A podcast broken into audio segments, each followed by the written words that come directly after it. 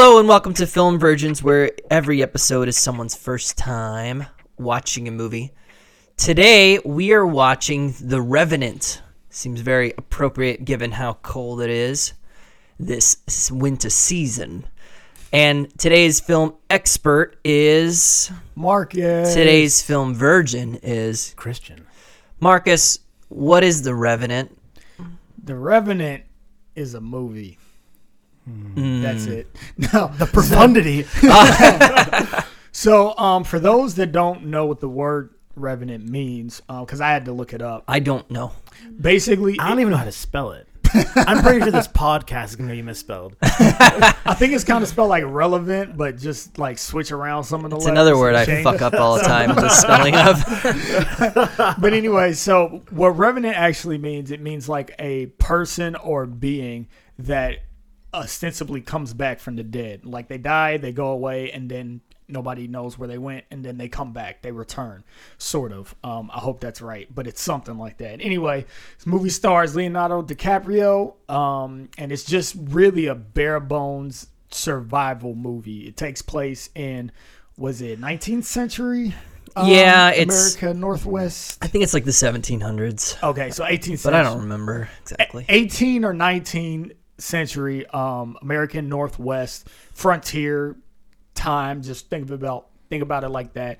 Um, and like, man, it's just bleak and it's winter and it's scary and people are your enemy, but nature is more your enemy in this movie. So really, it's kind of just this tale about this guy and um, you know this other guy played by Tom Hardy that kind of kind of get into it. I don't want to spoil too much for Christian, so I'm being a little vague. but um but yeah, so it's just a story about surviving the wilderness and surviving the evil will of other men. Christian, what are your expectations going into this? Like, what have you heard about it? Or So I've heard that it's fantastic. Um, I guess I've always thought of it based on the few descriptions that I've heard as The Count of Monte Cristo meets To Build a Fire by Jack London. And uh, so, um, you know, I, I think that I mean, I've, I've been looking forward to watching it. That being said, this is not the kind of movie that I would typically watch. So I think that'll also be something fun to, you know, maybe uh, you know, retry a genre that I'm not typically, in, you know, not typically engaged by. Uh because and this is really, you know, from what I've understood, this is one of the better representations of that genre. Uh, what genre would that even be? I don't know. I guess I I'll find out. uh, survival, sur- hatchet, Survival, Survival. castaway. survival cold. Hatchet, yeah, blah blah blah. Didn't um pluck a trunk clunk dude? Didn't he direct this? I can never say the that guy who did uh. Birdman. Oh. Oh, it is. Yeah, it's the guy who made Birdman. Oh, I thought it was the dude that Okay. did um that produced Apocalypto. Oh, I mean, produced. I don't know. I'm pretty sure it's directed by the guy who did Birdman. Okay, I could be wrong. we'll we'll find out after the movie. We'll look that. Yeah, I'll. I'll We'll you fact know. check that. Yeah. And it, because it's been said so many times, say it again. It's been flirting with zero all week Fahrenheit. Mm. So I think this is a pretty good week for it. I'm, uh, really looking forward to that being the ambiance of our movie watching. I might even turn the Yeah. heat down while we're watching it. Glad I bought my hoodie and my coat. You get the get the 4D experience. yes, man. yes, I was gonna eat some raw meat yeah. or like uh kill somebody. What? I, I yeah. Too far. Well, far, I was too thinking far, about that. far. No, this the, this the smell of rotting flesh. I feel like would be Mm. well, probably yeah. now it's too far. Well, I think this movie has wonderful cinemat- cinematography. It has some of the most beautiful shots in nature ever c- maybe committed to film.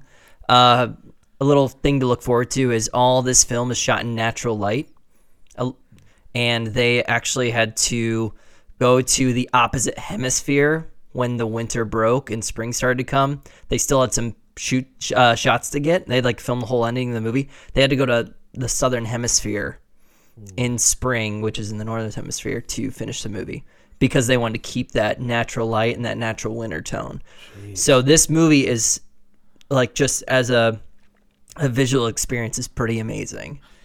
I'll, I'll look forward to um, the second half of the podcast finding out what the budget was for something like that for just taking production and moving it somewhere else. Like I don't know, that seems an, like an insane endeavor to me. Yeah, I didn't even realize that like they went to that lengths. Like I knew that this movie was kind of painstakingly made and there was like all sorts of uh like environments and circumstances that made it hard, but I didn't know that they freaking traversed the globe. That's amazing. Yeah. I got I got some more stories about that, but let's pick up on this conversation after the movie. Okay, and and we are back, and we have just spent the last three hours watching The Revenant, and oh man, there's a lot to say about this movie, especially in terms of background. Uh, this movie's pretty recent, came out in 2015. Had a budget of originally I was reading 60 million, which ballooned to 135 million. Jesus. As as I mentioned earlier, they were very specific about getting uh, all the natural light and being in the actual environment, and that caused some them to be out there in the elements so long that the seasons changed, and they had to actually like relocate several times. At one point, as I said earlier, to the southern hemisphere of Argentina to finish the film. The final scenes take place uh, actually in the southern hemisphere. All that was shot there, and um, yeah, this movie it ended up grossing uh, 533 million. Many accolades and was probably my favorite movie of that year. And there's so many interesting stories about this. This movie goes all the way back in terms of development to about 2002 when a book on the actual uh, Glass character that DiCaprio plays, his character, there's a book. It all happened ish. Um, there was one quote I pulled from Wikipedia that said basically everything that happens in the movie is true except for the murder. That's how most movies based on true stories are. right. It's like, yeah, this happened in real life, except the part that makes it a movie. yeah. so, Christian, I always love asking you, what is the plot of The Revenant? All right. So uh, let's let's pull up some proper names so that we can uh, be dealing with those. Um, all right. So there's this dude. Uh, let's call him Glass, who basically is um, uh, leading this expedition to, or at least helping out with this expedition to get furs. Uh, the guys are attacked by Native Americans or Native somethings. I guess I don't really know where we are. Uh, It's not really clear. yeah, well, it's, well, not- it's in the Americas. You can be sure. Of yeah. that. whether Na- it's native, whether- native Canadians. yeah, Uh, whether so- it's Canada or United States is. based on the amount of snow, it's either in northern U.S. or Canada. So I'll call them Native Canadians. Attack them, and they have to abandon a lot of their furs. Uh, they are um, take a boat ride, and they're trekking away. And uh, during this, Glass is attacked viciously by a bear. Um, and then an argument ensues on whether or not to leave him behind. And eventually, it's decided that a small handful will stay behind and be with him until he dies, if that happens, and then bury him, dig- you know, with dignity. given given economic incentive. That part's actually pretty Yeah. important. Econo- yeah. So, so the ones that stay behind get uh, a few of the shares. Some of the other men volunteer their shares. A few It- shillings. If- yeah. about thirty pieces of silver. Um, so uh, $300, which I looked up is $6,000 in today's money. yes, yes. So, so anyway, um, okay, massive spoilers ahead. Uh, this is always spoilers, but uh, so the the real plot point of this movie basically comes that um, Glass signals to one of the most uh, money hungry characters uh, by blinking that he's willing to die to potentially allow them to leave more quickly, including his his son is there, uh, and so. Um, so this money hungry guy starts to kill him. The son sees and tries to stop him. Uh, so this money hungry guy actually kills the son. Um, and uh, so this is this is basically the revenge plot here is that uh, he agreed to be killed. He did not agree for his son to die. Not part of the deal. So um, from then on in, uh, basically it's a survival tale. Um, uh, Glass survives, and basically it's him basically just trying to nurse himself back to health so that he can uh, kill the antagonist. Fitzgerald, is- yeah, played by John Tom Fitzgerald. Yep, Tom played by Tom Hardy. Yes, money hungry guy. I'm just calling him money, money hungry guy. Absolutely. Money hungry guy, Fitzgerald. Um, yeah. And so basically, all that, some of that stuff did happen. They were actually out on a fur expedition. Uh, Glass actually was attacked by a bear. And then they did leave him. I don't think anybody stuck around. They left him for dead. And then he made his way back. And I guess Fitzgerald actually took his gun. And that's the only thing he took. Uh, and then he got he made his way back to the camp. And he was like, wanted his gun back. Which I noticed in this after I read that. I know I was looking for the, the gun. Uh, Tom Hardy uses his gun the rest of the movie. Yes. Uh, so he wanted his gun back and he gets it. And uh, they go their separate ways. And then when asked about it, he's like, Yeah, I probably done the same thing. yeah. So, so basically, the actual story is the plot of Payback. Yeah, Like, more oh, or could, less. could I have my twenty thousand dollars back? Just wants what his his. So, uh, time for virgin impressions. Marcus, uh, I'm sorry, Christian. This is your first time seeing this. Okay, so I mean, you called it from the beginning. Cinematography is unbelievable. Uh, It just like every frame is designed to be a photo. You can just pause the movie at any given time, print it out, and hang it on your wall. So, um, it, it, it's it's it really is spectacular. Um, and I actually something that really jumped out at me because it's really important to me is the soundtrack. The soundtrack was incredible. Uh, it's very very sparse, and during some of the really intense, like some of the uh, crucial action scenes, there's actually no soundtrack. And then for ambiance, the soundtrack will come in, and it, it's really moving. It's it's a great soundtrack.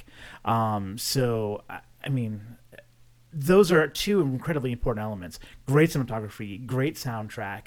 The plot is engaging. This is a stellar film. I really enjoyed this. Nice. Boom. Yeah. We did it. We did it. nice.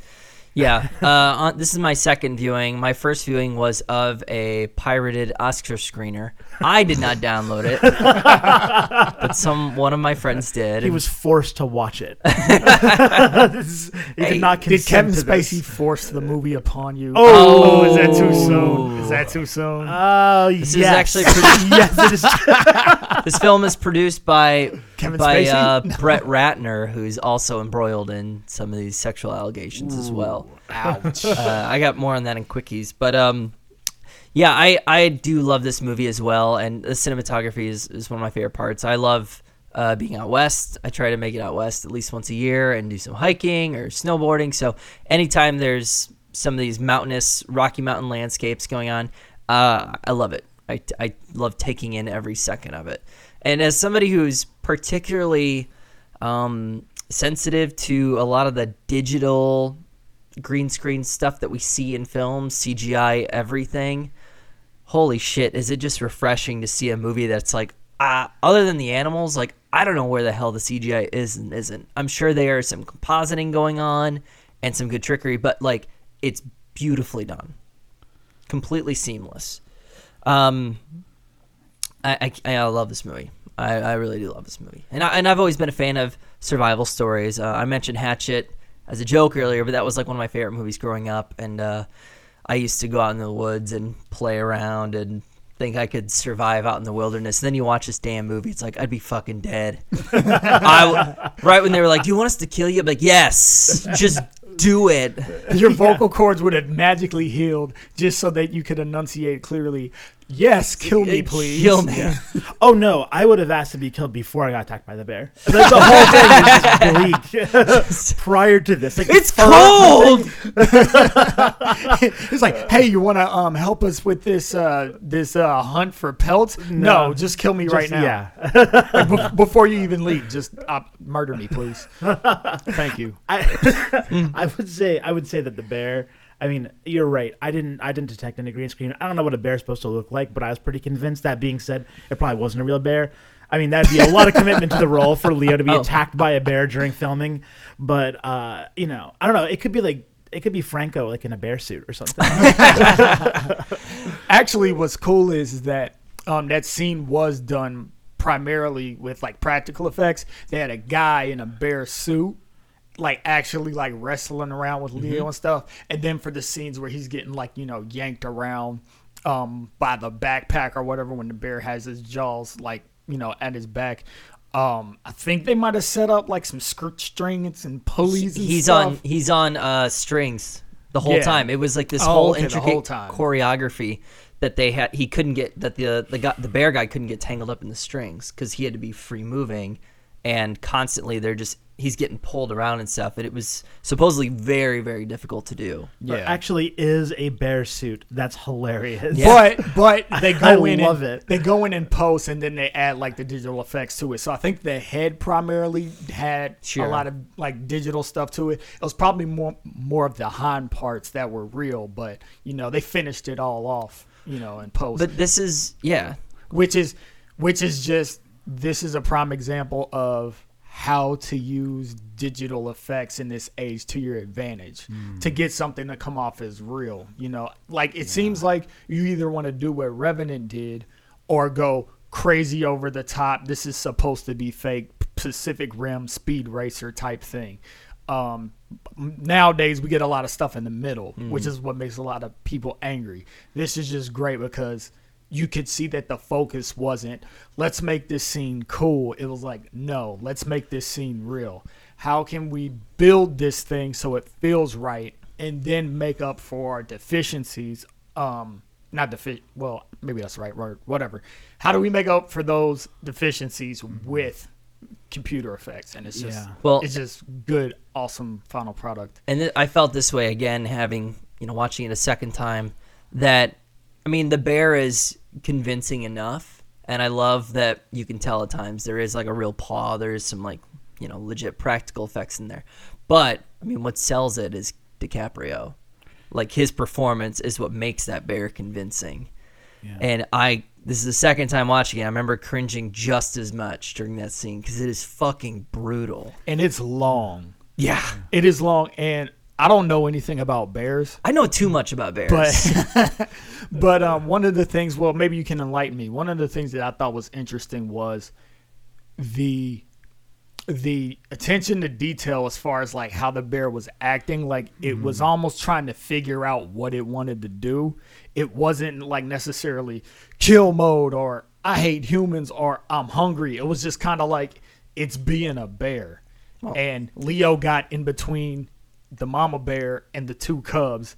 So it just like went crazy. But it it wasn't entirely sure. So you get a couple of scene couple of parts in the scene where the bears just kind of pause pausing Like sniffing, indecision. and it's just kind of like all right what is this thing? Let me turn them turn them over da-da. and then you just mm-hmm. hear and you're like fuck i'm never going to the woods I'm never going to the woods and that's another thing i have to say um quickly and we'll t- we can talk about it more but sound just sound not necessarily Yeah. soundtrack but sound Sound design. period was a star in this movie because it was one of the things that made that scene really visceral and made you feel like you were there. That and Christian surround sound. That's true. Good man. Good man. This movie was amazing in surround sound. I, I was I was actually going to comment on that because I, I have I have an old school 5.1 system, but it's it's quality it's in quality uh, speakers and it they did a really great job mixing it down because they did a really good job placing the environment because you're inside the environment and it, there's a lot of movies where it just you know they'll occasionally add some raindrops or something like that to the rear or whatever. But this i mean it would it, the camera would move through the environment and the sound would change accordingly. And it didn't it never took you out it took you in. Yeah. and it was it was really well done. I was i was it's like it was just enough that i noticed it and not enough that it took me out which is exactly how i like it. Yeah. um Yeah, with bears. yeah so yeah, number one cause of bear attacks is when hikers stumble upon a grizzly and cubs, and Leo is doing everything right. You're supposed to play dead on your back because if it's gonna take swipes at you, it's supposed to take swipes at your coat or at your backpack or whatever you're wearing, and not like your the front of your body where more of your important organs are. And uh, exactly what they do is is you know they kind of attack you until you stop moving because it's defense first. And then, I mean, sometimes, yeah, people get eaten by bears because, you know, a bear doesn't know the difference between you and some other kind of prey. But, um, yeah, I have read so many Backpacker magazine details of bear attacks. uh, because, and they scare the hell out of me. I've, uh, I've seen a bear on a hike. Uh, he was digging into a tree. He's probably, he's probably always away. He's about 100 yards. But I did have that moment where I was like, in my mind, I'm going through. This movie hadn't come out yet. This is 2014, and uh, I was, in my mind, I was running through all those backpacker articles, trying to think, okay, what the fuck am I supposed to do? Oh yeah, I'm supposed to be big. I'm supposed to make noise, not spook them, and all that. Anyways, I hate bears. I mean, I, I think they're they're beautiful, majestic creatures, but just in terms of animals that will fucking kill you, Yeah. bears are you know right up there with hippos. I think. I mean, I feel like that's the appropriate relationship that all of us should have with animals. Yeah. Like, think they're majest, ma- majestic, think they're awesome, and just hate them at the same time. like, leave them alone. leave the animals alone. How did uh how did Leo work for you guys? He got uh, an Oscar nomination uh win, uh, award for best actor. He was people think he should have gotten it for some other movies, but this is his first one. And what about his performance?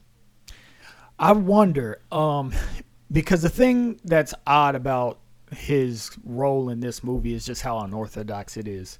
Because I kind of want to count how many lines he has. He maybe has 10. Yeah. Maybe. Yeah. Because most of the movie, he can't even speak because after the bear attack, you know, he gets his throat like sliced open. Um, so he's like just on his back, like laying up, looking at the stars. And then as he's healing, he kind of graduates to, Yeah, and then he goes, "Ah, bah, bah," Yeah. and then he can kind of get words out towards the end of the movie. So it's weird because you've seen Leo act really hard in a lot of other stuff. So it's almost kind of like it's bullcrap that it took him this movie to do it. But then at the same time, I think about it logistically and practically.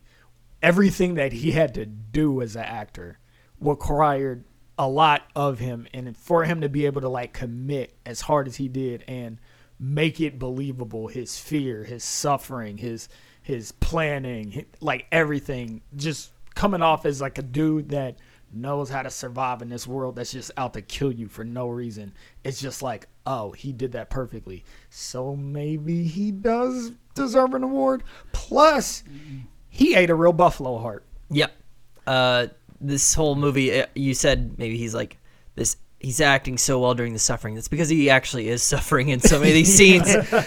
touche he like i mean they're out there in the elements and he's out there literally lying in the snow or in the that frigid water eating a real buffalo heart or a real uh, fish like Oh, a- was that like he, he's he a just- vegan Did he and just bite into a real fish for i that? think that was real and also so was the buffalo heart Ah, okay. and so he's a vegan and he's, he's eating all these fucking raw animal parts it's great it's great I you know well, what? it's as natural as you can get as far as eating meat goes. So I mean, I think he, no, he's really. I mean, he really was great.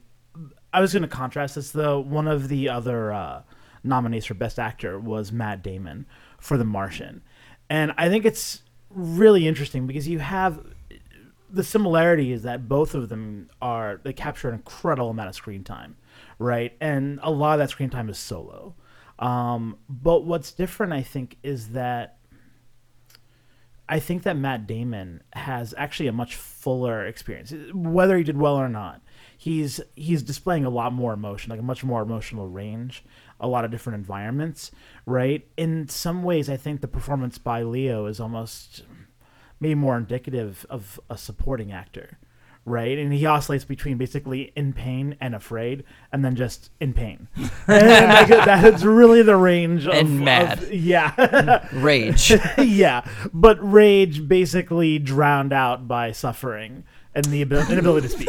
and it's, uh, and, you know, I think he really, he really did a great job, unequivocally. And there's a lot that you can say without talking, you know, and I think he did that really well. Um, but it, it really is an interesting role, and a lot of the thing that I like about, I mean, the stuff that I love about the movie, my favorite things. I mentioned this before: cinematography, soundtrack, right? The environment, the ambiance.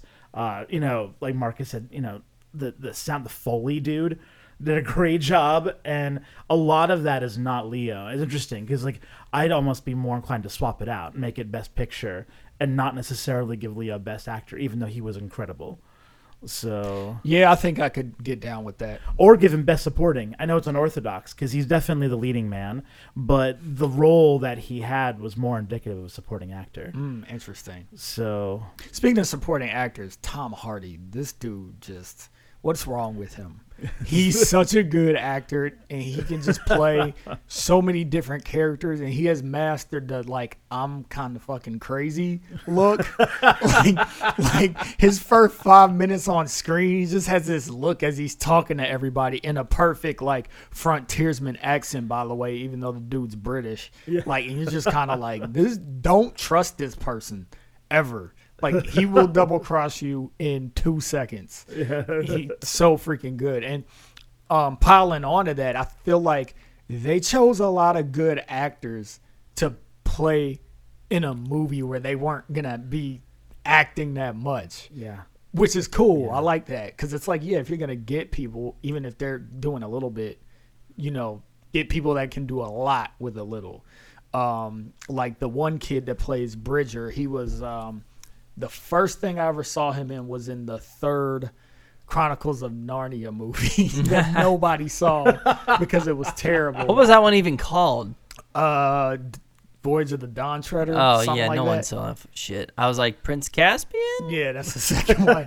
Yeah, Will Poulter. Yeah, like that dude. He's British. Just beasted it. Then you have the guy that was in. um He was in Ex Machina. Domino Dom- Gleeson. Domhnall Gleeson. yeah. Yeah. like that guy is just like these are heavy hitters, all to be in a movie and get you know handful of lines. They probably speak more than uh Leo does actually. I think so. Yeah. I mean, maybe not the screen time, obviously, but Yeah. in terms of dialogue.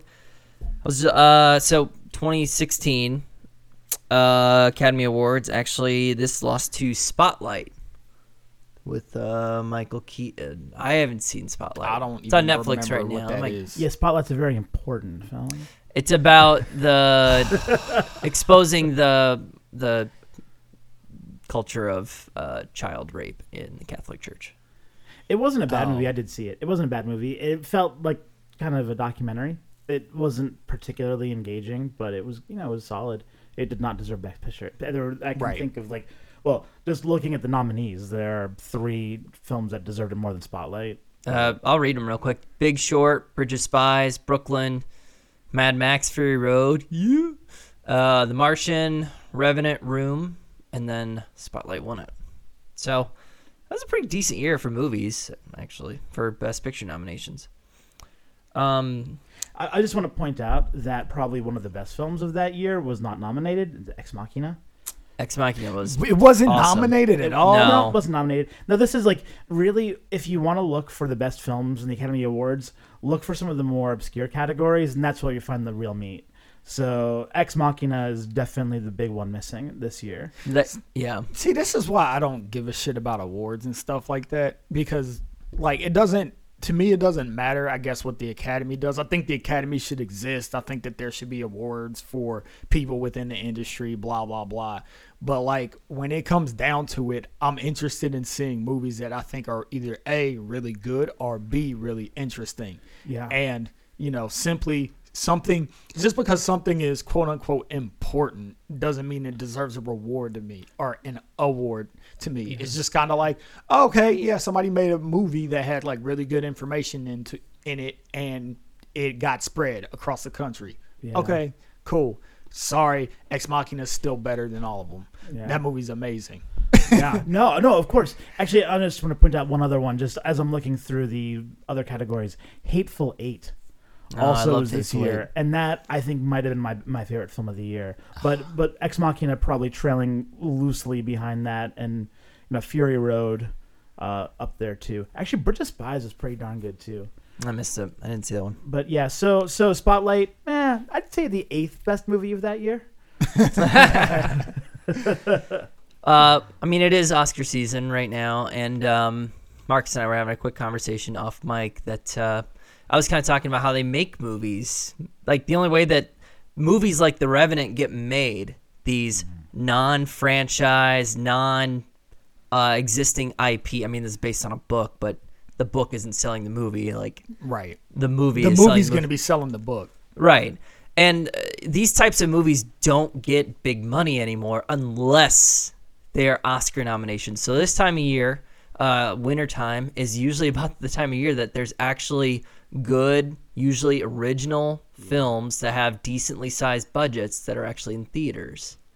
Um, they always get limited release in like November, December, I- and I- then they get expanded to January during Oscar season. And, Yeah, actually, actually in theaters probably is overstating it. They are technically in theaters. Right. I mean, I still can't find any place to find Phantom Thread. Um, The new no. Paul Thomas Anderson movie. Yeah, I mean, it's yeah, it's so limited. Yeah, and that's just a damn shame. I, yeah, Yeah, I'll, it sucks how politics can drive art like that. Yeah, money. Mean- meanwhile, it's impossible to find a showing that is not Star Wars. Right. Like you go to like, see another movie, and they're like, "Now we're changing to Star Wars." It's ridiculous. I Now playing on 15 screens No. in our theater Mm-hmm. for the fifth week in a row in 3D, IMAX, HPRD, LMX. Dream Lounge. now watching using a microscope. All right, let's get into some what ifs. So this movie has been in development since the early 2000s. Originally, the director attached was I, I didn't write his name down, but he's the director of Old Boy and the producer of Snowpiercer, the Korean director. So, so Oh, the, the- the, the so it's the- original Old The Boy. original Old Boy, not okay. not uh, Spike Lee. Okay. Spike Lee Spike did Lee did the, did the ad- remake. adaptation? Yeah, he did Oh, the wow, I American didn't know version. that. Um, and who was to star? I'm looking at you, Marcus. Uh-oh. Who do you- Jason Statham? Oh, That's a pretty good guess that's Um, No. who, who- who was going to be the star of this? of this. Instead, Chris Evans. Samuel, motherfucking Jackson What? was attached Hmm. to star in The Revenant. For those of you who can't see my face right now, um, I'm going through a lot of different expressions because that my head just blew up. Like, yeah, what if? What would this movie have been with Samuel Jackson? I can tell you one thing. I love Samuel Jackson. It wouldn't have been a tenth, an eighteenth, a twentieth, a hundredth as good with him instead of Leonardo DiCaprio. Like a, a, a cool what if is like, okay, what if it was Tom Hardy in the lead role? And Well, it's like, okay, yeah, I have a, a good what if. Uh, Okay. Christian Bale is considered. Christian Bale could have rocked it Christian Bale could have done this movie. easy. What do you think? Yeah, I think so. I think so. I, you know, I think there's a lot of actors, that could, and this is one of the reasons he did a great job. I'm not trying to question DiCaprio here. I feel there's a lot of actors that I could pull into that role, and that's the reason why I'm not. I'm questioning the nomin, you know, the well, the win for best. I just, I think there's a. I, I could name five other actors I think that I'd put right into that role and and could do it. So it's it's more an issue of there are definitely a slew of great actors that could have pulled this off, but there are there's a particular brand of actor that might not be suitable for this Yeah, a, role, ca- a caliber. and that just so happens to be Samuel L. Jackson Calling- Jackie Chan.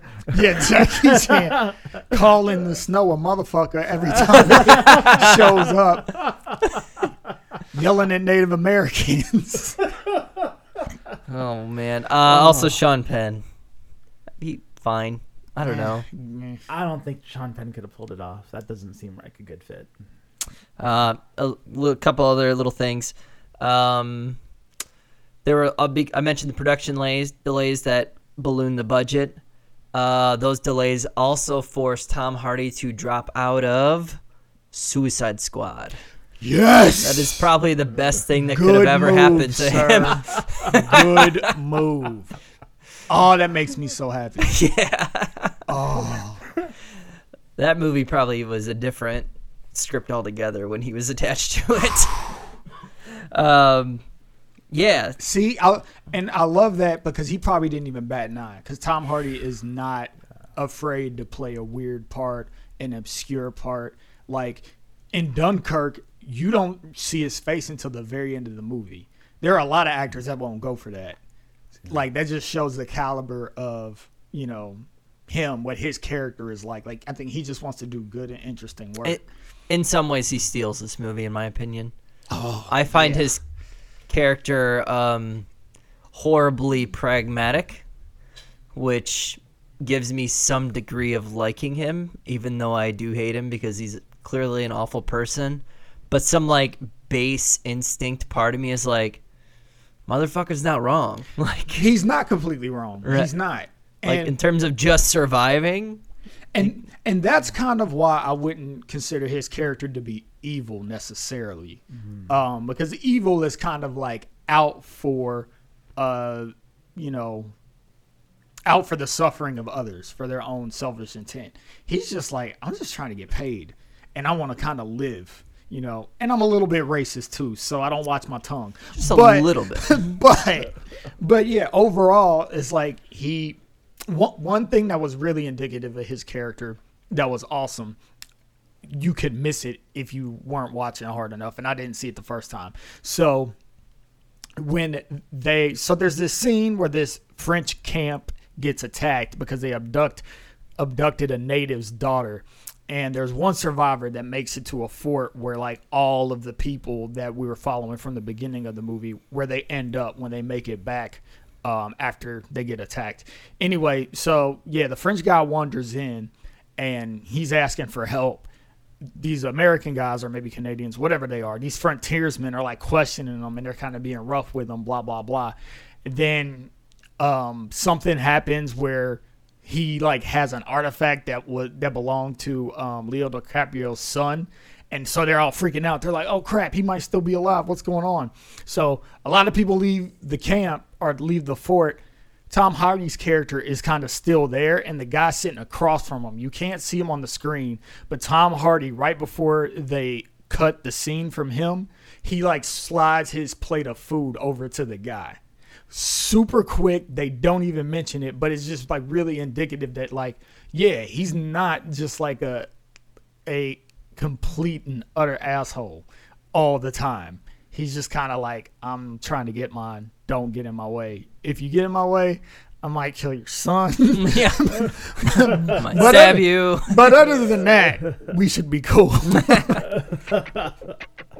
Hmm. Turn-offs. Oh, So we're gonna get into turnoffs. These are sections of movie that either didn't age well, or maybe don't hold up, or things that just eh, maybe took you out of the movie for a moment. I'll start.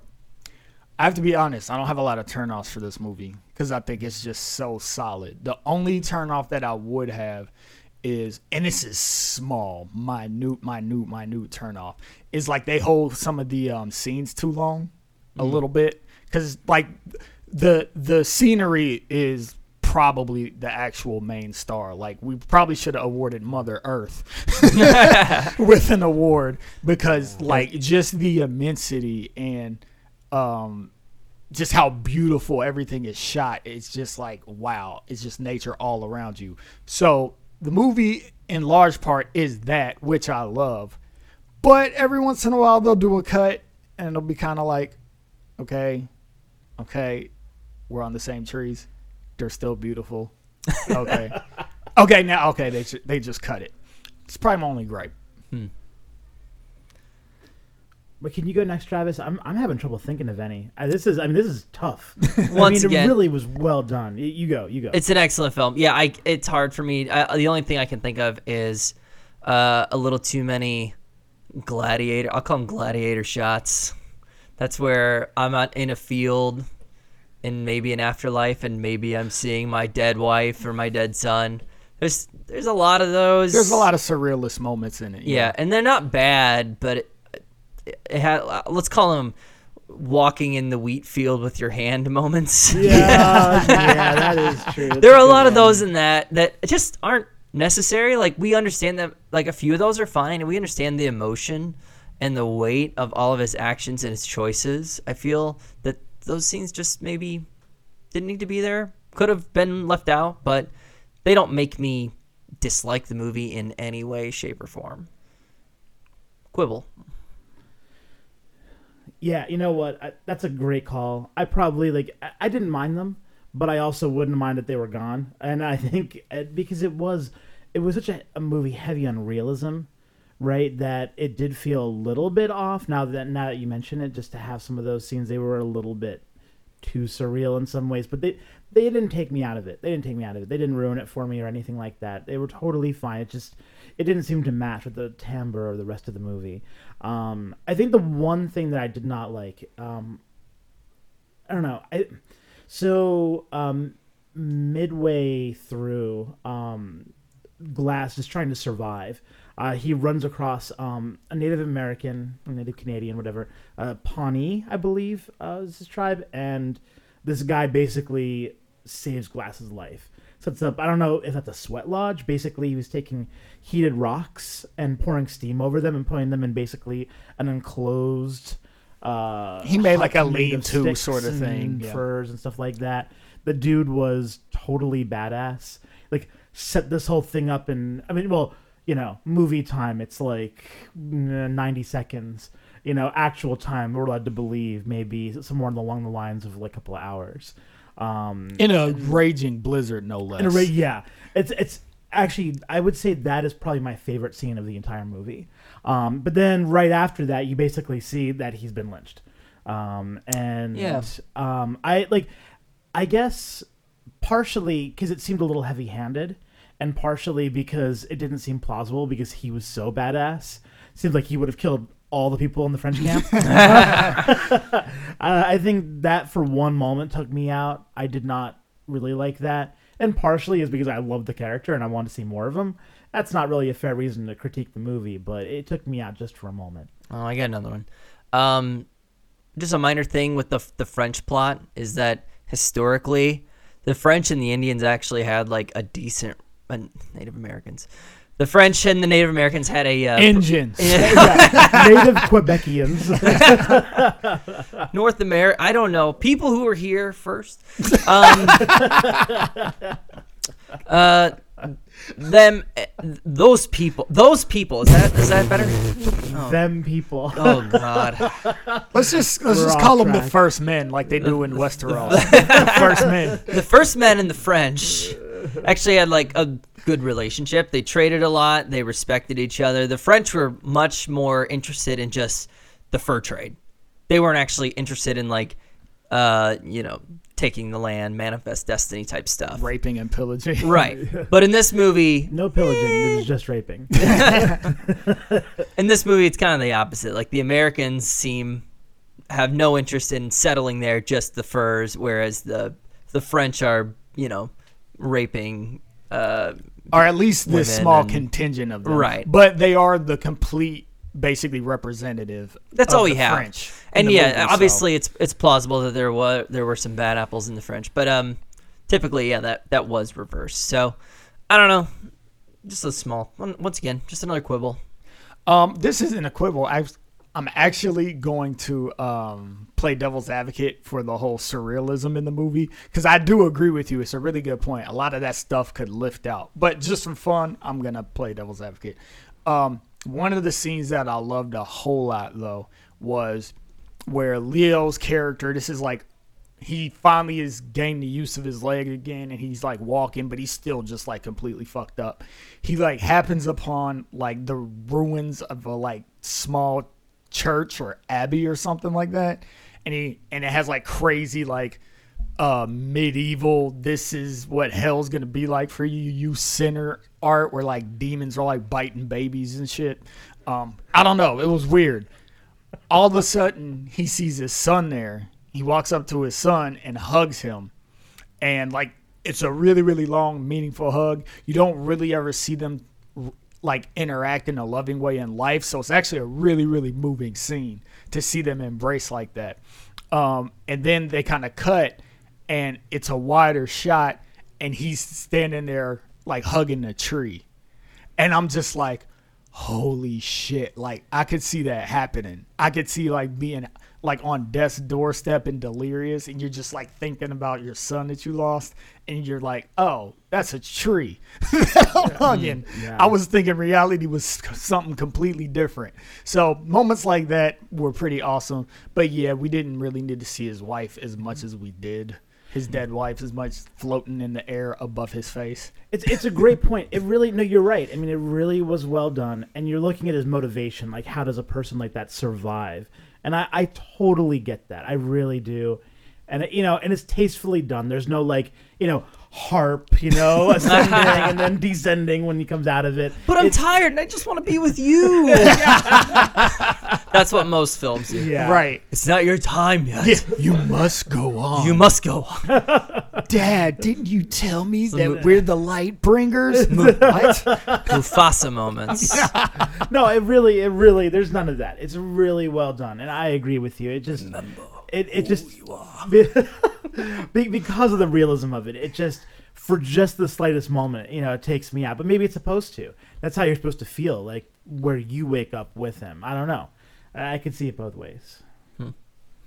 I do. This movie gives me some sci-fi feels because with a lot of like hardcore sci-fi that takes place out in space. I mean, whether it's like 2001 or even like some of the alien stuff, or at least the first movie. Whole idea is like space doesn't give a fuck about you. Yep. Like this is just life and nature, and it's brutal as shit. And if you think that you own it, you're wrong.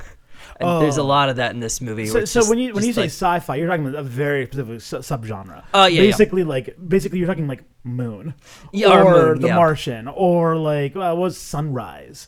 Gravity a little bit. Yeah, Gravity. Yeah, where it's just like there's it's it's bleak. It's in the most literal sense. yeah, I got a couple of those feels in this Yeah. movie on the second go. Yeah, because it's not like it's not really like Star Wars or Oh, no, Star Trek or Fifth Element. Right. It's Right. The yeah. hard, hard, hard sci-fi. Yeah, and I, I think in some of those cases, it's actually near future sci-fi because a lot of that's predicated on basically trying to venture into space with roughly our level of technology, Yeah. plus maybe a couple of slightly faster engines. Well, it's the whole idea of a frontier, right? Yeah. You know, like the Right. whole Yeah. whole space thing, the Yeah. final frontier. It's like exploring the unknown, and that's Yes. exactly the position that you're putting into this movie. Exploring the unknown, but really without the tools yet to do it. right. Like you're you're just you're not ready.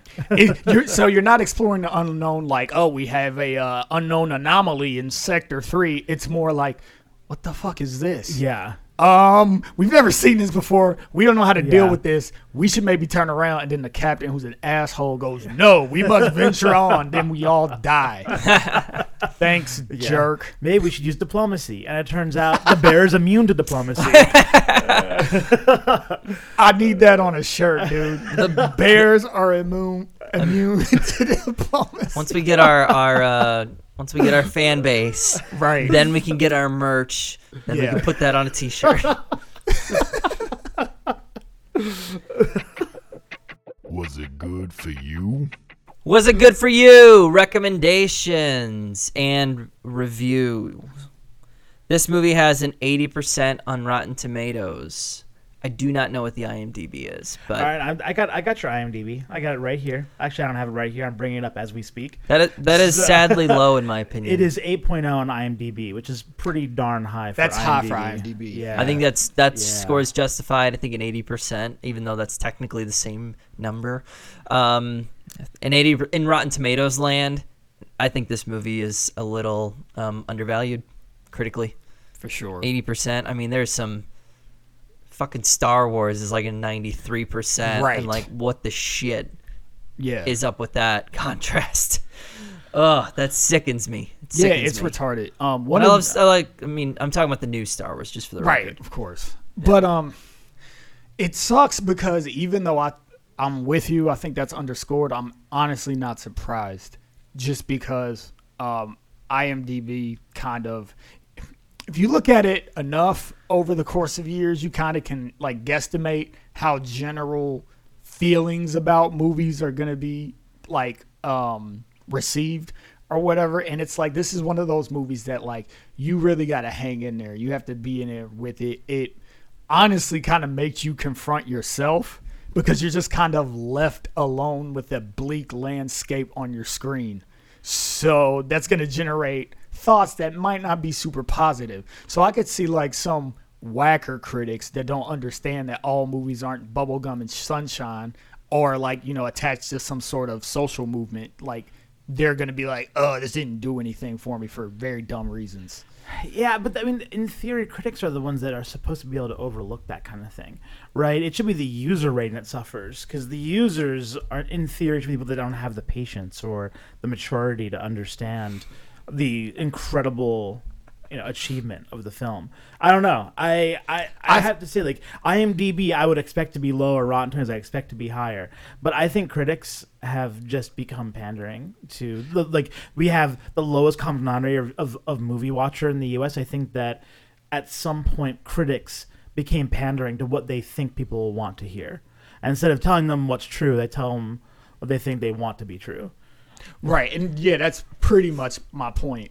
While you guys are talking about legitimate critics, I'm going deep on audience reviews on Rotten Tomatoes. Uh-oh. Here's a one and a half star review from Steve B. Oh, written that- in October of 2017, so fairly recent. That dude's an asshole. I'm going from mem- memory, as it's been well over a year since I slept. I mean, I watched this movie, dull, boring, and forgetful. The only part I liked for how well it was done was when Leonardo was attacked by the bear. I love how this guy's like in his free time, like writing reviews based on vague memories of movies that he didn't like. Uh, okay, all right, all right. Hold on, but I, I, I can top that from the actual critics. This one is by Sarah Mars from Lainey Gossip, which already sounds like it's going to be a great film review. I'm glad. uh, That, are they a top critic? Yeah, they're. I mean, clearly uh, based just on on the rag that they. Okay, I'm going to make more jokes about the Revenant because this is basically a live action Roadrunner cartoon, and DiCaprio is Wile E. Coyote. Oh my god! What? Person is tone deaf to all of life. yeah, like really, really, really, really tone deaf. Why do bad things keep on happening to him? I don't like it. It's like you never had a day that wasn't comical at all and bad stuff just kept happening. Never read like a true survival story. Yeah, she needs to read about the Donner Party. like seriously, like on my so on my my honeymoon, me and my wife went out to Lake Tahoe, and um like they were up in that area, so we were like reading a bunch of history about them, and um she was just reading me the Wikipedia page while I was driving. And I was like, why is this not a big budget movie right now? Like, you could do it in the exact same tone as Revenant, and it'd be like one of the most gripping movies ever. Because it was crazy what actually happened. They wouldn't even have to change anything. It was nuts. It's not like Wiley Coyote, stupid lady gossip, whatever your name is. Uh, I got I got one more. I got one from Tara Thorne, uh, the coast, Halifax, Nova Scotia. Anyway, uh, this is again a critic. As an experience, it's thrilling, terrifying, and sobering. But there's nothing to the Revenant except what darkness lies in the hearts of men, and who on earth needs to know any more about that? Like, did she watch the same movie? Because I mean, I, I was one thing that I was actually moved by was actually how magnanimous some of these people were. That under some of the harshest conditions, heart conditions so harsh that we're just unfamiliar with them. They're out of our expertise. That they would make sacrifices like that to to just to bury someone with dignity. Uh, it's incredible, and you have you have one one person in that group who really did the wrong thing. And even there, it was kind of understandable. I understand how he made that mistake. I do. I get it. But but for everyone else, this is a group of people that deserve to be praised. Yeah, that's a really, really good point because if you want to really address the themes, really, darkness of men, that's a small part. The biggest theme is harshness of nature. Yes. Yes. That's the biggest Yes. thing, first of all. Well said. And yeah. and second, there's just like the the will to live. Yeah. And then, like you said, mag- the magnanimous attitude of some of the people, the Indian guy that we love that died and he shouldn't have, like that, he had no reason to save Leonardo DiCaprio at all. He just decided he was going to. That was it. And then you have a really supreme sense of justice in um, Domhnall's character because he was infuriated when he found out that Leonardo DiCaprio with Glass was still alive and that you know um, Bridger and uh, Fitzgerald lied. Like he was a guy who was led by doing the right thing, honoring contracts and being a man of honor and integrity. Like these are all like really deep, good things. And I think that they're more beautiful when you contrast them with the harshness of nature. This isn't simply about Yeah. people being evil. This isn't hostile. This isn't like some slasher movie or whatever. Like, I, like these people. How are these people critics? I don't Yeah. understand. Well, they're critics because they've lived in the lack of luxury forever, and they've never actually been in nature or any kind of situation that they couldn't control. Well, I want to know not how they are how are they critics of the movie. How are they critics for a job? No, I'm saying, oh. I'm saying that's like the same thing that would lead someone to think that is the same thing that would lead someone to choose movie critic as their career. Gotcha. well, and let's let's not forget the back. I mean, part of this is these are like online sites. These are blockers who need to get attention. So oftentimes they will take a contrarian viewpoint to get clicks, even if it. And then they'll get you know infuriated comments to be mad at them, and that drives traffic to their sites that they can sell money for advertising. So, I mean, that's the state of movie criticism in the you know in, in 2018. Hey, thank God that I saw the review on an aggregator and I never clicked on the site and no one listens to our podcast. So we won't generate any clicks for them. Touche. Touche. All right. Well, as critics ourselves, at least you know, self-proclaimed, Yeah. Of self-proclaimed. of the highest caliber. Yeah. As we as we bash on those with actual critic as a part of their title. who get paid for it. we do it on our own time. Damn it. We pay money. Yeah. To critique. it's more noble. Um, how many cherries we given this out of ten? Cherry. Oh, for most experience. Right? yeah, for any uh, audience members. Um, what is our cherry rating system? Well, we pop a number of cherries, uh, up to 10, based on how much we liked the film, um, how good it was for us, uh, if we want to have the experience again. Um, and, uh, you know, then we aggregate this. You know, we try to do spread. You know, it's not exactly IMDb system, even though it's the same, uh, the same limit. Um, but, um, you know, after we give our ratings, we can go through some ratings that we've had for our films that are close and uh, just give you an idea of, of how, our system. Uh, I'll, I'll begin. This is quite simple for me. Uh, I give this. Oh. Oh. You said it's simple. It was simple. And then I, then I thought about. what I was Remember, you're going to comparing it to film virgin movies too. Film version. Oh yeah, yeah, that's right. I forgot. We're another part is that we compare it to films that we've watched for this podcast. Yep. and Right. we're comparing that those films, not necessarily just like I liked it, ten out of ten. No, it's we're comparing and kind of rating these films as best we can. I'm giving this a nine out of ten cherries. This is an excellent film. Uh, it's one of my favorite movies that we've watched in this podcast. Um, it is one of the more newer films that gives it some advantages in terms of production um, elements, but still, I think this movie could have been made uh, in the 70s or in the 80s, and it might not have looked as pretty, but I think this movie could have told a very similar story with very similar emotion, and I think it's kind of timeless. I think this is a movie people are going to talk about for a long time. So, um, I think I'm gonna have to agree. I think I'm gonna give it nine out of ten cherries popped.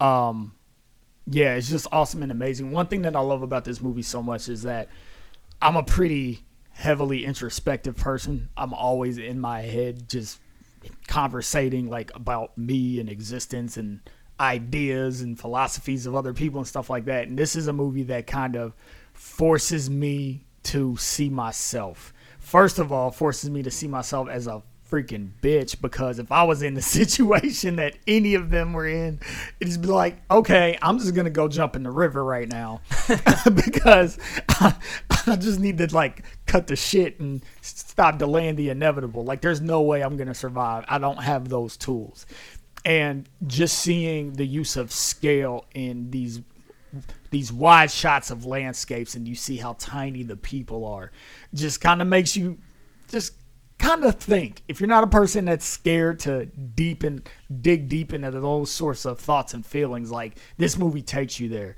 It gives you a lot of room to just ruminate while you're watching the movie. So you just feel all sorts of different feelings. So in a way, it's more interactive than say movies that are really high octane and full of action. For those, you're just kind of along for the ride. This movie, you kind of get sucked in and you kind of are like even allow yourself to go on a journey that this movie um, will take you for.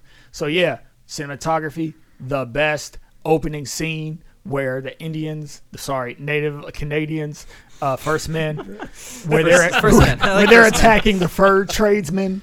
Um, that scene they rehearsed that for six months to get it right because it wasn't all single shot, but it was a few shots. It was maybe like three or four.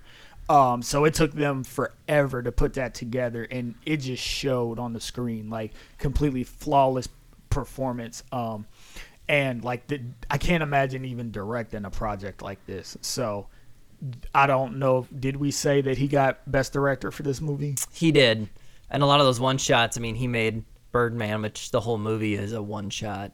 Oh, okay. Um, so he's a big fan of that, and there's a lot of that in the beginning of this movie, and then later on at the end fight scene. There's Okay. quite a few. Uh, they call them oneers. Yeah. Yeah. Yeah, and yeah, just the realness and rawness of the fight scene too. It's just it's this movie is incredibly human and utterly rewatchable. I think you'll find something new in it every time you watch it and it's great. All right, this is a tough call for me because I, I absolutely love this movie. Um, I ended up uh, giving it an eight. Um, here's why: because I'm looking at this list and looking at my ratings, and the only movie higher for me is Quiz Show, and I have to say I still like Quiz Show better. I have to keep it, you know, Quiz Show to nine. This is an eight. And the only reason I can think of, because really I, I- go by the book here in almost every way. I like the soundtrack to Revenant more. I like the cinematography more. Um, and uh, there is massiveness to this movie and a production quality that far outstrips Quiz Show. What Quiz Show has that I love is just quotability. Um, and there's one thing about this show. The one the thing about about the Revenant is that um, it there there's so little dialogue right and that's the thing that i hold on to the thing that i take away from the movie that when i talk with friends or family or uh, you know or make references when i'm posting on social media it's dialogue that really does this for me and there's so little for me to hold on to in this movie that is the only reason why i would Okay. give it less than a nine I got a quote for you from that's a Leo- Leonardo DiCaprio quote from this movie. all right all right all right give it to me If you didn't do it, I was gonna do it. As soon as you started talking, I was like, I know where this is going. Oh my god. yeah. I've used I've used Travis's quote every time I have too much cheese. About eight hours later, it's Oh man. no. I uh, I mean, truth be told though, with with with dialogue something like that, and you can't put dialogue in this movie, but if it somehow managed to marry incredible quotable dialogue throughout the movie, this might go up to a ten. I don't know, but it's an eight for me. Uh, let's give uh, aggregates really quickly here. Um, uh, because both films have two nines and an eight, Quiz Show and Revenant are both tied for our best film virgin movie of all time. It's uh, redundant. Our best film virginity of all time Yes. um, um, followed closely by uh, so that's at um, eight point seven. Followed Nice. closely by Kingsman at hard eight, and Bad Santa uh, and Book of Eli both tied for seven point seven. nice. Nice. I, I don't. I like that. I like that spread. Yeah. Sounds right. Yep. Yep. So Christian, who do you recommend The Revenant to? You know, um, I I think, and I've actually talked to people that are like this, people that are interested, like survivalists, uh, people that you know can be seen walking around with their backpacks full of uh, flashlights and MREs. Those are people who would get off on this film in an incredible way. And the, the number one recommendation to those guys. I love you all. Please be my friend when the apocalypse comes. Um, and uh, you know, I I'd also recommend this to someone who just um, loves visual art. Right, the cinematography is truly amazing. I I can't think of you know, five movies that have this level of of cinematography. I think if you love visual art, if you love uh, landscapes and nature um, and photography, this is something that you have to watch. Those are my two recommendations. I would recommend this movie to, and I didn't think about it this way until the second time viewing it, but anyone who likes westerns. It is a bit of a western uh, in in many respects, and if you like uh, movies about that time period, this takes place in 1823. Uh, we confirm that, and uh, if movies from that period, whether it's like westerns, like classic stuff like Good, Bad, and the Ugly, or Unforgiven, um, or I don't know, 310 to Yuma, like Western movies that take place in this period that have some kind of revenge plot. Uh, I, I think you'll love this movie, and it's truly timeless. A lot like most westerns, the good ones at least. Um, before I get into my recommendations, I just want to pat myself on the back because I didn't know Christian. He's how you- actually patting himself on yeah, the back. I am pat pat pat because I was interested to see how you were going to respond to this movie because I know like survival's not your genre, and like you said, you love quotes, you love movies that have a lot of really smart, quippy dialogue in it, and I know that you don't generally like nature. so Don't out me, man. so this movie is like all nature, no dialogue whatsoever. And like, yeah, so the fact that you think it's stellar and the fact that you love the soundtrack, I'm just patting myself on the back. Like I knocked it out of the park. Um, but yeah, in in my recommendations, I guess I'd have to recommend this to people who um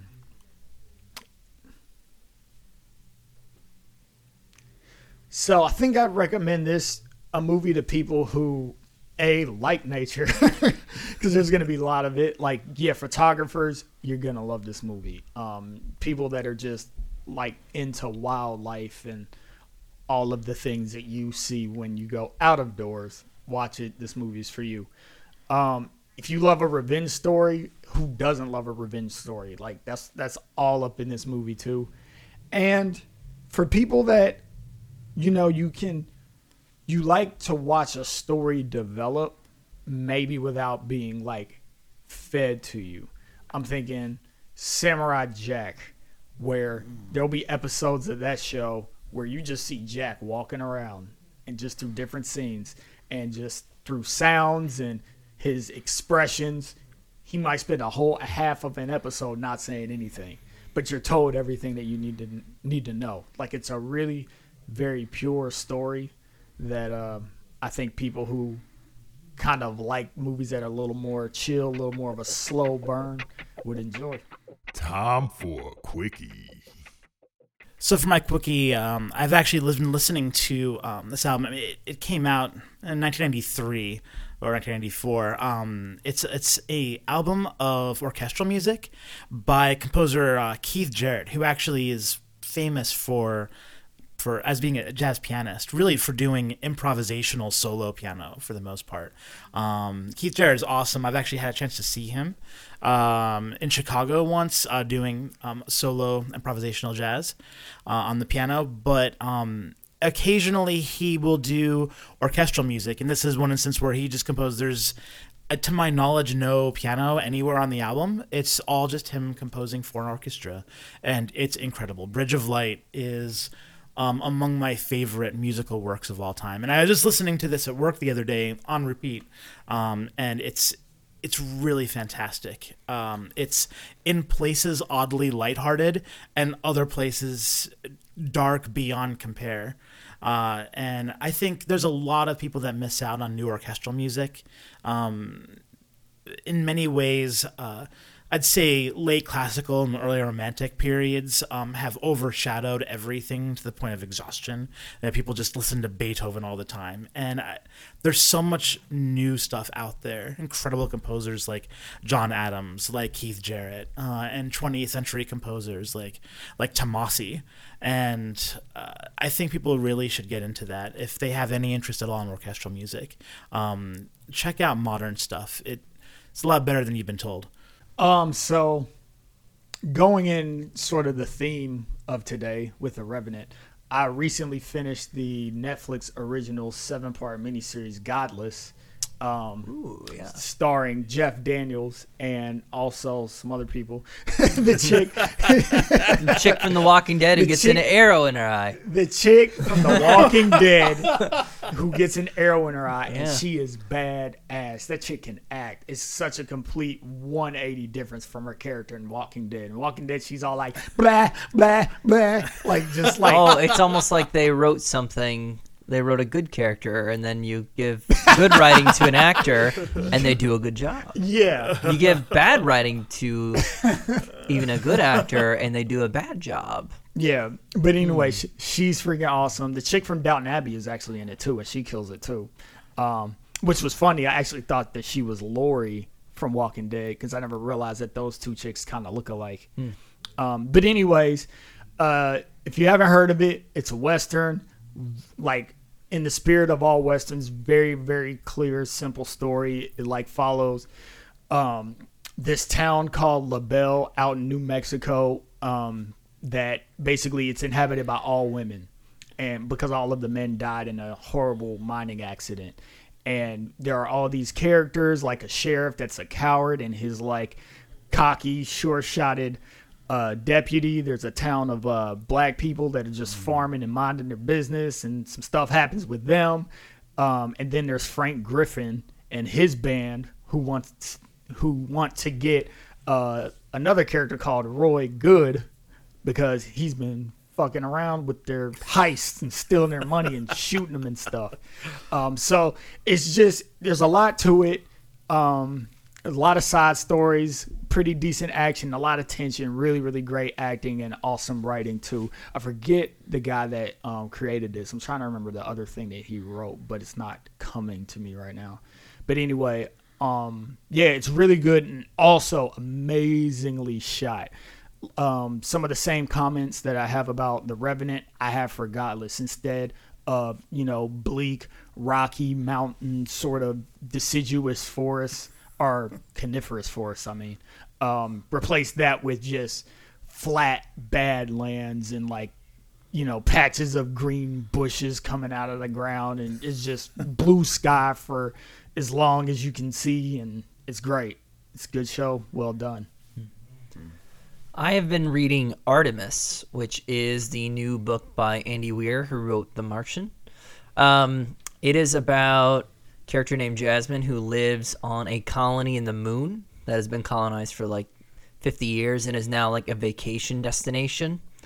Uh, where and there's a working class that actually lives on the moon all the time and is kind of like picture like uh, how some of these islands in the Bahamas have a bunch of rich people coming to visit them, but then also an indigenous or local population that's a bit lower class that you know works at the resorts and that kind of a thing. So she's in that industry, and uh, she's a comes from a family of welders because all of the livable spaces need to have these uh, emergency airlocks and things like that. So there's a certain type of welding skill that develops on the moon for vacuuming and uh, creating like a vacuum seal for safety and things like that. Uh, that's just a little side thing. So she she uh, lives on this moon and is in in some on some smuggling and other things like that, and gets involved in a kind of a heist, heist gone wrong, and then a uh, caper to keep um, bad people from taking over the moon. Sounds wacky, uh, but it's really fun, and it's super. Just like The Martian, it's super scientific. All the natural physics that exist uh, in our world now apply on the moon, and uh, you actually, I don't, I, I didn't read The Martian. I watched the movie, but uh, I understand that there's a ton of just little background knowledge about how life on Mars would actually be and how all the science is actually backed up. And a lot of this is the same thing where you learn a lot about, oh, that you can't do that in a vacuum. oh, that would be a smart way to create like a double uh, a, a double safety system if you were living in a vacuum. Like, I don't know. There's a lot of fun things and it's super well done. It's fun, easy read. Uh, Artemis. Check it out. So in a way it's actual science fiction Yeah, yeah, it's it's kind of like that near sci-fi, hard sci-fi that we were talking about earlier. Yeah. Oh, the guy that wrote for uh, Godless, he wrote for Logan. Oh, he wrote the script for Logan? Yeah. Oh, nice, nice. I love Logan. All right. Well, that is it for us and Film Virgins this week. I have been Travis. I've been Marcus. And I'm Christian. Come back next time for more movie watching. Thanks. Thanks for listening. Subscribe and look for our next episode next week. Yeah.